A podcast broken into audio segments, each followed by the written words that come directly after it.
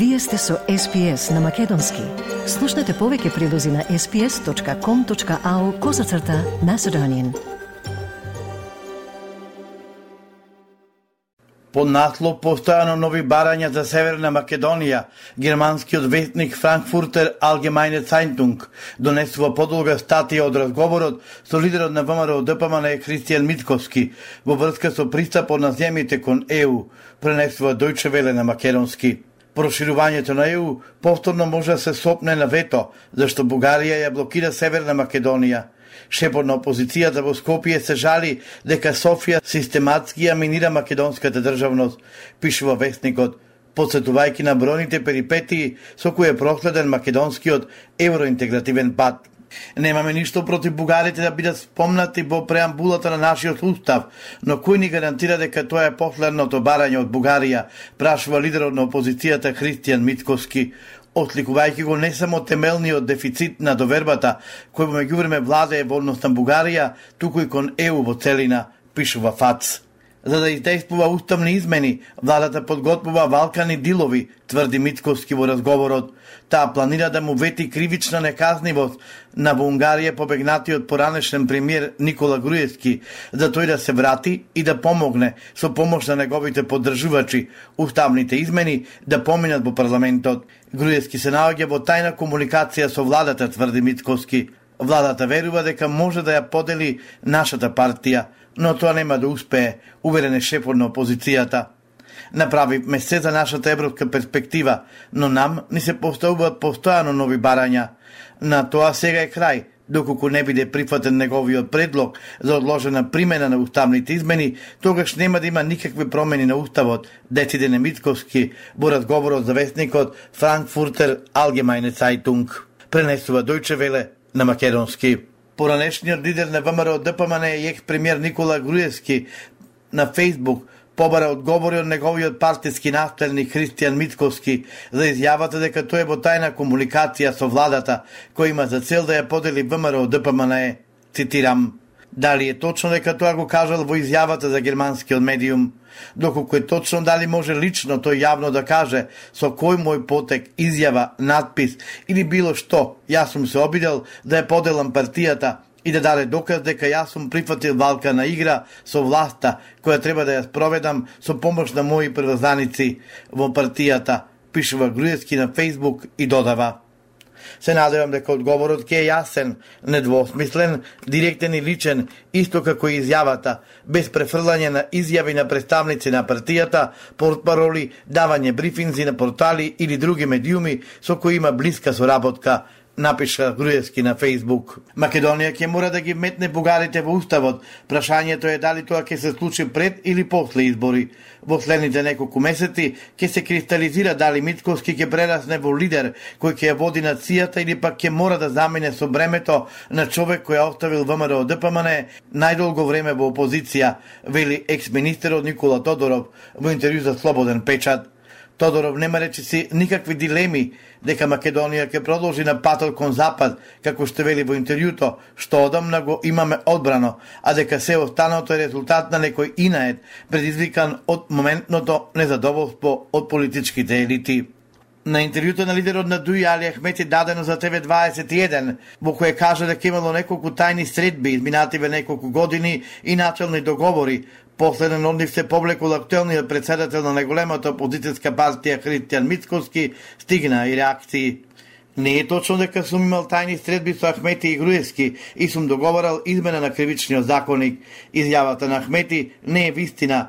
Изјави за ТВ24 екс-премиерот Зоран Заев. По прозивката од поранешниот член на огнените, сега лидер на новоформираната партија Демократско движење Изед Меджити, министерот за надворешни работи Бујар Османи демантира дека се сретнал со Никола Груевски во Будимпешта. Меѓути предходно преку Фейсбук упати јавно прашање до Османи дали бил во службена или приватна посета во Будимпешта кога се сретна со Груевски. Османи на Фейсбук одговори.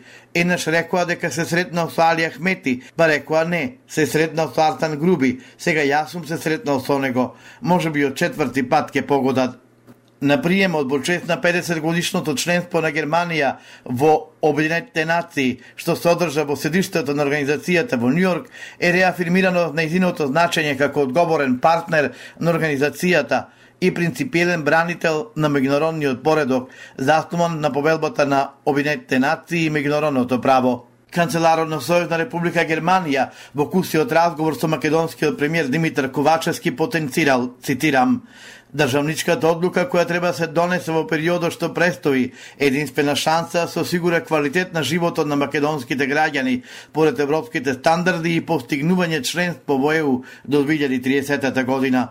Во спротивно, како што е оценето, македонските граѓани и државата е известно дека ќе се соочат со изолација на долг рок, што не е од интерес ниту на Северна Македонија, ниту на регионот и Европа, изјави Олаф Шолц, Од кабинетот на председателот Тево Пендаровски вела дека на средбата помеѓу председателот и канцеларот Олаф Шолц, Пендаровски изразил благодарност за досегашната поддршка од Германија како еден од нашите најблиски сојузници и очекува понатамошна силна поддршка од германските власти во процесот на пристапните преговори кон ЕУ.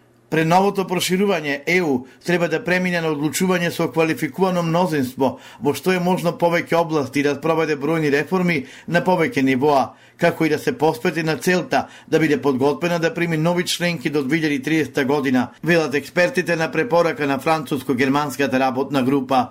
Експертите сугерираат за затворање на преговарачките поглавја во процесот на пристапување во ЕУ, војнина да се одлучува со квалификувано мнозинство, со цел да се поедностави процесот, но за конечна ратификација на пристапниот договор се уште е потребна едногласност.